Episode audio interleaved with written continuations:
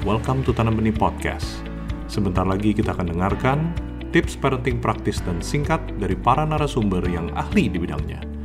Agar tidak ketinggalan tips parenting yang lainnya, jangan lupa klik tombol follow. Parents, selamat belajar.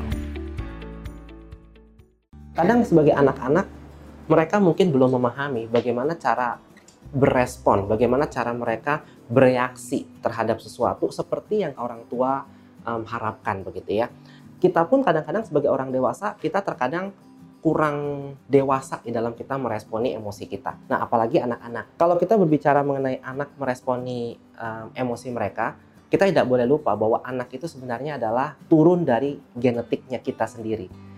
Nah, ini yang kita kadang-kadang suka lupa.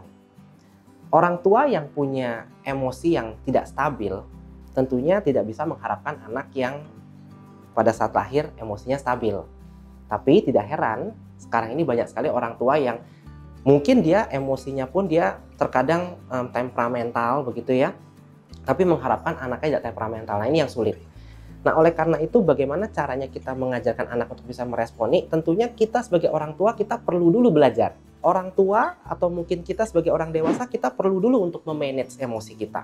Pada saat kita marah kita meresponnya seperti apa nih jangan sampai kita pada saat marah kita meresponinya dengan sangat berlebihan tetapi pada saat anak kita marah anak kita meresponi dengan berlebihan, kita marahin. Nah ini yang kadang-kadang suka jadi dilematis. Atau pada saat kita sebagai orang tua kita mudah um, tersentuh, kita sensitif begitu ya.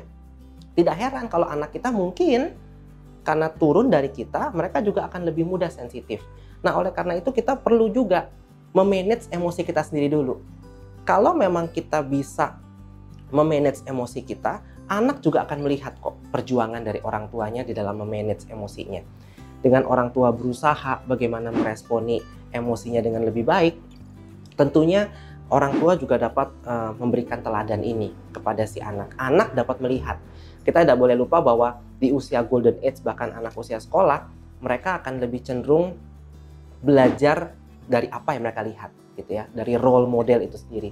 Jadi kalau kita tanya bagaimana cara kita mengajarkan anak untuk meresponi emosinya, yang pertama yang mungkin bisa saya uh, katakan adalah kita sebagai orang tua kita lihat dulu sejauh mana kita bisa memanage emosi kita. Anda baru saja menambah wawasan parenting Anda bersama Tanam Benih Foundation. Sekarang waktunya diaplikasikan. Jangan lupa follow podcast Tanam Benih di Spotify agar tidak ketinggalan parenting tips yang lainnya. Ingat, tidak ada parents yang sempurna, tapi kita bisa terus belajar untuk menjadi parents yang lebih baik.